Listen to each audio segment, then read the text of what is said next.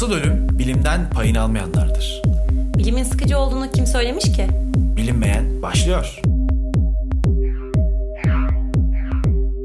Evet selamlar Bilinmeyen'in 6. bölümünde İrem'le beraber selam İrem. Merhaba Burak. Ee, yine e, bilim tarihinde ikinci podcastimizi çekiyoruz sanırım. Toplamda Evet. 6. bölümümüz. Kaldığımız yerden Ee, devam ediyoruz. Şeye göre tarihe. gidiyoruz aslında. Ee, William Bynum'un e, Bilimin Kısa Tarihi isimli kitabından e, sırasıyla gidiyoruz. O sırayla gidiyoruz diyelim. Evet. Ee, yavaş yavaş hayat normale dönmeye başladı. Bu hafta itibariyle zaten e, işte bu korona etkilerinden yavaş yavaş kurtulmayı umut ediyoruz. Tabii başka bir şey gelmezse. Ben biraz korkuyorum yine de ama ikinci Evet, ikinci dalga o meşhur ikinci dalga olayından bir miktar korkuyorum. Evet inşallah bir dahaki podcast'te te- yani bir, bir ay sonra tekrar evde kal demeyiz insanlara. Umarım umarım artık bu normalleşme sürecini ve e, şeyi güzel bir şekilde atlatırız ama bakalım. Evet o zaman geçen bölümde kaldığımız yerden aslında devam edelim. Biraz Yu- Yunanlara gireceğiz bu bölüm. Evet bu bölümde genelde sanırım sanırım mı sanmıyorum çünkü ben okuduğum için biliyorum Ee, Yunanlardan Yunan ağırlıklı olarak gideceğiz Yunan bilim insanlarını anlatarak devam edeceğiz. Evet Yunanlar işte, e, gemi yapımı, ticaret ve düşünce alanında yeteneklilerdi. E, İlk Yunan düşünürlerden biri e, günümüzde Türkiye'nin kıyılarında yer alan Bilet şehrinde benim de eşim memleketim olan Aydın'da Seversin evet. e, yaşayan bir tüccar, gökbilimci ve matematikçi olan Thales'ti. Thales de milattan önce 625 ile 545 arasında e, yaşamıştı. E, Thales için şey derler günün birinde böyle yıldızlara bakmaktan gözünün önündeki kuyuyu görmeyip düştüğü söyleniyor hatta. Yani o Evet, derece yani- E, ölüm nedeni de bir aydınlığa ve böyle avanak bir e, insana diyeyim e, yakışan bir şekilde sıcak çarpmasıyla olmuş. Aydın o kadar sıcak oluyor mu gerçekten ya? Yani yıllar önce 52'leri 55'leri gördüğümüzü hatırlıyorum. Peki Hani böyle çok sıcak günlerde. Peki hiç duydun mu böyle sıcak çarpmasından ölen birini? Yani Thales, Thales'in Ya, ya Düşünün. mi- milattan önce 600 yılında sı- sı- işte sıcak çarpması ölüyordu. Şu an işte sıcak çarpması hastaneye gidiyor. Bir ilaç alıyor geçiyor yani. Şu an problem Evet. değil ki o. Doğru diyorsun. Tabii. Ben tarihte kaldım. Ben şu an milattan önce 625'teyim. Evet. E, Thales aynı zamanda çok e, zeki olduğu için e, zeytin hasadının çok iyi olacağını önceden de öngörebiliyormuş. E, hasattan önce mesela henüz kimse ihtiyaç duymazken bütün zeytin sıkma makinelerini kiralar ve hasat vakti gelince büyük bir karla e, bu e, makineleri de kiraya verirmiş. E, Thales e, ilk dalgın profesör değildi.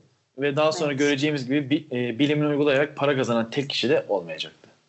Daha sonra bir sonraki bölümlerde bunlara değineceğiz. Şimdi Nil Nehri'nin taşarak araziyi verimli hale getirmesi. Ki Nil Nehri'nin bir önceki bölümde bahsettik Mısırlar için ne kadar önemli olduğundan da. Ee, ve dünyanın kabuğunun içindeki suların aşırı ısınarak e, depremlere yol açması gibi açıklamaları getiren Thales için su temel, temel bir öğeydi diyebiliriz aslında. Bir dakika burada e, deprem ismi geçtiğine göre ben ikinci bölümdeki e, deprem podcastimizi insanlara yönlendirmek istiyorum. Evet ikinci podcast'te depremde detaylı bir şekilde konuşmuştuk. Yani Ee, devam ediyorum ama yine de, e, Yani açıklayıcı bir Yani. podcast olduğunu düşünüyorum. e, dünyayı dev bir okyanus üzerinde yüzen bir disk gibi zihninde canlandırıyordu Thales. Bunlar bizim için şu an çok komik düşünceler e, olabilir aslında. Fakat önemli olan burada aslında Thales'in olayları doğaüstü nedenlere değil de yine doğal nedenlerle açıklanması. Biliyoruz ki hani önceden insanlar açıklayamadığı şeyleri hep doğaüstü e, nedenler e, sunuyorlardı. Yine bir önceki podcast'te bundan da bahsetmiştik. Fakat Thales burada olayı doğaüstü nedenlerden değil de aslında yine bir doğa doğal nedenlerle açıklama e, getirmişti ve asıl önemli olan da buydu aslında burada. Evet, e, Thales'ten sonra ise e, Sicilya'da Empedokles dört element fikrini ortaya atıyor. E, hava, toprak, ateş ve suyun e, dört temel element olduğu fikri bize aslında tanıdık gelir. Çünkü bu fikir Orta Çağ'ın sonuna kadar neredeyse 2000 yıl bo- boyunca olağan düşünce haline gelmişti. Ki işte bildiğimiz gibi o zaten Orta Çağ'dan sonra ancak işte modern bilim, kimya ile beraber gelişince bunun yanlış olduğunu görüyoruz ki aklımıza zaten direkt hava, toprak, ateş, deyince benim aklıma direkt Gora geliyor. Şu anda, Benim şu aklıma anda şey bile. geliyor ya. Bilmiyorum izleyen var mıdır da bu e, Avatar Eng diye bir şey vardı. İşte ateş bükücü, toprak bükücü falan. Hep şey olmak isterdim ya. Su bükücü olmak isterdim ben orada. Evet, o da, Öyle o- o da gereksiz- gereksiz bir bilgi. İşte bu dört element şemasının mutlak bir biçimde herkes tarafından kabul gördüğü anlamına da tabii ki gelmiyor. Evet, burada ben atomistlerden bahsedeceğim. Yine bunlar hani e, varlığın oluşumunun sebebini dört elemente bağlarken atomistler de şöyle diyor. Antik Yunan'da ve Roma'da atomistler adı ve adıyla bilinen filozof grubu var. Bunlar dünyanın atom adı verilen küçücük parçacıklardan oluştuğuna inanıyor. İlk atomistlerin en ünlüsü de M.Ö. 420 dolaylarında yaşamış olan Demokritos'tu. Demokritos'un düşüncelerini başka yazarların ondan yaptığı bölük pörçük alıntılarla biliyoruz biz. Yani genel olarak Demokritos'un düşüncelerini e, bu yazarların bize verdiği bilgilerle kaynak olarak bunlarla e, elde ediyoruz aslında. Evet, Demokritos evrende birçok atom olduğunu ve bunların her zaman var olduğunu düşünmüştü. Atomlar ona göre parçalanabilirdi ama e, yok edilemezdi. Görülmeyecek kadar küçük olsalar da şekilleri boyutları farklıydı. Yani aslında As- Demokritos en e, günümüze yaklaşan Evet ben de tam tam onu söyleyecektim. Gerçekten aslında e, günümüzde kullandığımız bilgilere en yakın olan bu. Ve şunu da açıklar aynı zamanda bu atomlardan oluşan şeylerin farklı tat, doku ve renklere sahip olmasını açıklıyordu. Fakat e, bu daha büyük şeyler yalnızca insanların tattığı, dokunduğu ve göründüğü için vardı diyor Demokritos. Ve yine ona göre bizim madde ve uzay dediğimiz atomlar ve boşluk dışında hiçbir şey yoktu. Evet, atomizm evrende nihai bir amaç veya büyük bir e, tasarım görmez. Her şeyin şans ve gerekli sonucu e, gerçekleştiğini öngörür aslında. Bu nedenle de çoğu kişi tarafından sıcak karşılanmadı. Çünkü çok e, kasvetli bir akıştı ve Yunan filozoflarının birçoğu amaç doğruluk ve güzelliği aramıştır. Yani aslında Yunan filozoflarına mantıklı gelmemiş diyoruz baktığımız zaman. Bu, bu düşünce evet ve evet. E, neredeyse biz bin yıllık bir dönemde onlarca antik Yunan bilim insanının işte az önce saydıklarımızda dahil olmak üzere ve matematikçinin isimlerini ve bazı katkılarını biliyoruz. E, burada da anlatmaya çalışıyoruz podcastlerimizde. E, Aristoteles de bunların en büyüklerinden biriydi. Doğaya bakışı öylesine etkiliydi ki biz ölümünden sonra da uzunca bir süre bu bakışın egemen olduğunu biliyoruz. Evet yine e, bu bölümün sonunda ve bir dahaki bölümde de Aristoteles'ten daha detaylı bahsedeceğiz zaten. Evet. Ancak Aristoteles'ten sonra yaşayan üç kişi bilimin süre gelen gelişimine çok e, önemli katkılarda bulunmuş insanlardır. İstersen e, birincisinden sen birincisi. başla. Evet bunlardan birincisi milattan önce 330 ile 260. yüzyıllarda yaşayan Öklit. Öklit geometriye kafa yoran ilk insan değildi. Ancak bu konudaki temel varsayım, kural ve işlemleri bir tür ders kitabında bir araya getiren ilk insandı. Geometri, matematiğin uzamla ilgilenen çok pratik bir dalı. İşte noktalar, çizgiler, yüzeyler ve hacimlerle ilgileniyor bildiğimiz gibi hepimizin. Bir şey yani, söyleyeyim. Geometri benim için çok zordu. Ya ben yani, şu an Öklit'in yeri bende bambaşka. çok yani, ciddiyim. Geometrini anlamasak bile bu işte nokta, çizgi, yüzey, hacimleri biliyoruz zaten az çok. Evet. Öklit işte paralel çizgilerin asla e, kesişmemesi gibi geometrik fikirleri de açıklıyor ki bugün senin bana attığın bir görüntü vardı aslında ona baksan fena olmayacaktı ama geçelim. Geometrin... Ondan bahsedebilirim aslında da biraz işin felsefi boyutuna gidiyor. İstersen bahset. Ee, şöyle e, Öklit'in bu e, geometride yaptığı bir açıklama var. O zaman ben okuduğum kitapta, kitabı da söyleyeyim hatta Zen ve Motosiklet Bakım Sanatı diye bir kitap.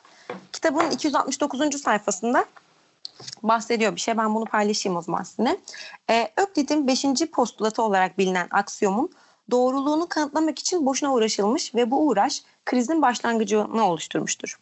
Öklid'in bir noktadan belli bir doğruya paralel, paralel olan yalnızca tek bir doğrunun geçebileceğini söyleyen paraleller postulatını genelde 10. sınıf geometrisinde okuruz. Bu geometrinin tüm matematiğin üzerine kurulduğu temel yapı taşlarından biridir. Diğer aksiyomların hepsinin şüphe götürmez gerçekler gibi görünmesine karşın bu, aks bu aksiyom öyle değildi. Yine de matematiğin koskoca bölümlerini yok etmeden ondan kurtulamazdınız ve kimse onu daha temel bir şeye indirgeyebilecek gibi görünmüyordu. Bu hayali umut için ne muazzam çabaların boş harcandığını düşünmek de gerçekten olanaksızdı. Sonunda 19. yüzyılın ilk çeyreğinde ve hemen hemen aynı zamanda bir Macar bir Rus, Bolyani ve Lobocheski, Öklid'in 5. postulatının doğrulanmasının olanaksız olduğunu çürütülemez bir şekilde kanıtladı. Onların bunu yaparken yürüttükleri mantığa göre eğer Öklit'in postulatını daha başka, daha kesin aksiyonlara indirgemenin bir yolu varsa bunun bir başka sonucu da olduğu görülecektir. Öklit'in postulatının tersine çevrilmesi geometri, geometride mantıksal çelişkilere yol açacaktır. Böylece Öklit'in postulatını tersine çevirdiler. Ve başlangıçta Lobachevski belli bir noktadan belli bir doğruya iki paralel doğru çizilebileceğini varsaydı. Ve bunun yanı sıra Öklid'in tüm öteki aksiyomlarının olduğu gibi tuttu. Bu hipotezlerden aralarında bir çelişki bulunması olanaksız teoremler üretti ve hatasız mantığı açısından Öklit geometrisinden hiç de aşağı olmayan bir geometri oluşturdu. Aslında buradan Öklit'in diğer aksiyomlarını olduğu gibi tutarak bu aksiyomunu çürüterek ve bunun tersi bir aksiyom üreterek Öklit'in bu e, oluşturduğu geometrinin aksine bir geometri oluşturuyor. Yani farklı bir geometri oluşturuyor. Ve böylece bir çelişki bulamamasıyla 5. postulatın daha basit aksiyonlara indirgemez, indirgenemez olduğunu kanıtlamış oldu. Ve bu sayede korkutucu olan şey aslında bu kanıt değil, matematik alanında geri kalan neredeyse her şeyi hemen gölgede bırakan asıl bunun rasyonel yan ürünleriydi. Yani matematik bilimsel kesinliğin köşe taşı birdenbire muğlaklışı ver, vermişti diyor. Kitapta da bahsettiği aslında şu. E, matematik de olsa aslında kesinlik biz hiçbir zaman bir kesinlikten söz edemiyoruz. Burada Öklit'ten bahsetmişken bu e, kısa kısa olmasa da parçayı da ben paylaşmak istedim sizinle. Evet şimdi benim diyeceğimden biraz anlamsız oldu ama yani Geometrin isimli Geometrin Ögeleri isimli önemli kitapta Avrupa genelinde takdir gördü ve öğretildi. Yani şu anda bizim e, hani bu e, Cumhuriyet döneminin başına Atatürk'ün yazdığı geometri kitabından bahsedilir. O bile sonuçta e, geometrin e, e, temeli olduğu için bu kitabın e, devamı olarak yani bu kitabın esintileriyle devam etti sonuçta.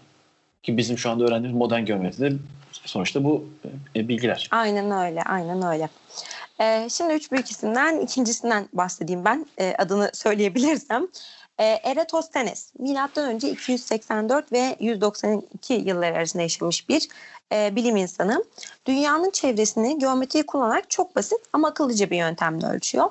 Yaz gün dönümünde yani yılın en uzun gününde Güneş'in Siena şehrinin tam, te- tam tepesinde olduğunu biliyordu.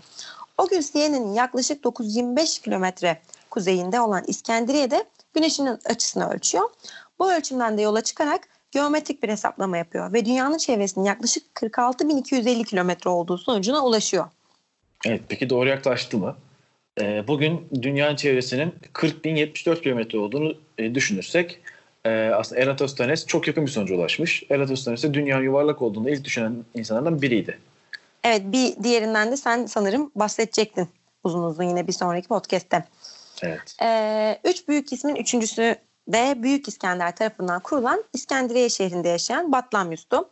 Batlamyus aslında birçoğumuz biliyor, biliyordur diye düşünüyorum e, Eratosthenes'in aksine.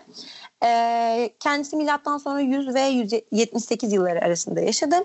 Ona kalıcı şöhreti kazandıran eseri ise Araplar tarafından Büyük Bileşim adı verilen çalışması oldu. Bu eserde yıldız haritaları, gezegenler, ay, güneş ve yıldızların hareketlerine dair hesaplamaları ve evrenin yapısına dair açıklamaları e, bulunuyordu. Batlamyus birçok Yunan gökbilimcinin gözlemlerini bir araya getirip genişletmiş diyebiliriz aslında ve belki de bu yüzden e, birçoğumuzun ismini daha çok bildiği Yunan bilim insanlarından bir tanesi. Evet az önce İrem'in e, Eratosthenes'te söylediği gibi benim de bir e, dünyanın düz olması ile ilgili iki tane e, aslında okumam gereken okuma var. Onu da söyleyeyim. E, Stephen Hawking'in Zamanın Daha Kısa Tarihi isimli kitabında e, Aristoteles'in iki tane savı var. E, dünyanın düz olması ile ilgili. Yani onu okuyayım bundan sonra üstüne e, e, konuşalım. Tabii. Aristoteles e, tutulmaları güle, e, güneş ile ayın arasına giren dünyanın neden olduğunu anlamıştı. Bu olduğunda dünyanın gölgesi ayın üzerine düşüyor ve tutulmaya neden oluyordu. Aristoteles dünyanın e, gölgesinin daima yuvarlak olduğunu fark etmişti. Bu da ancak dünya küre biçimindeyse mümkündü. İkinci savda yine e, Yunanların dünyanın yuvarlak olduğuna dair ikinci savı da bir aslında gemiyle alakalı. Şimdi dünya düz olsaydı diyorlar. Ufuk çizgisindeki bir gemi önce küçücük, şekilsiz bir nokta olarak görünürdü. Gemi yaklaştıkça yelkenleri ve gövdesi gibi ayrıntılar yavaş yavaş görülebilirdi. Ancak bu olmuyor. Değil mi? Ufukta bir gemi belirdiğinde önce yelkenlerini görüyoruz, daha sonra gövdesini görüyoruz. Ve işte bize doğru yaklaştıkça tamamını görmeye başlıyoruz. Aslında hani e, günümüzde bile birçok e, ünlü işte siyasetçinin, sporcunun hala dünyanın düz olduğunu iddia edip işte düz dünya denekleri kurduğu bir yerde milattan önce bu yıllarda işte 340'lı yıllarda Aristoteles'in bunları akıl bilmesi aslında medeniyet olarak çok da ileri e, gitmediğimizi gösteriyor bence.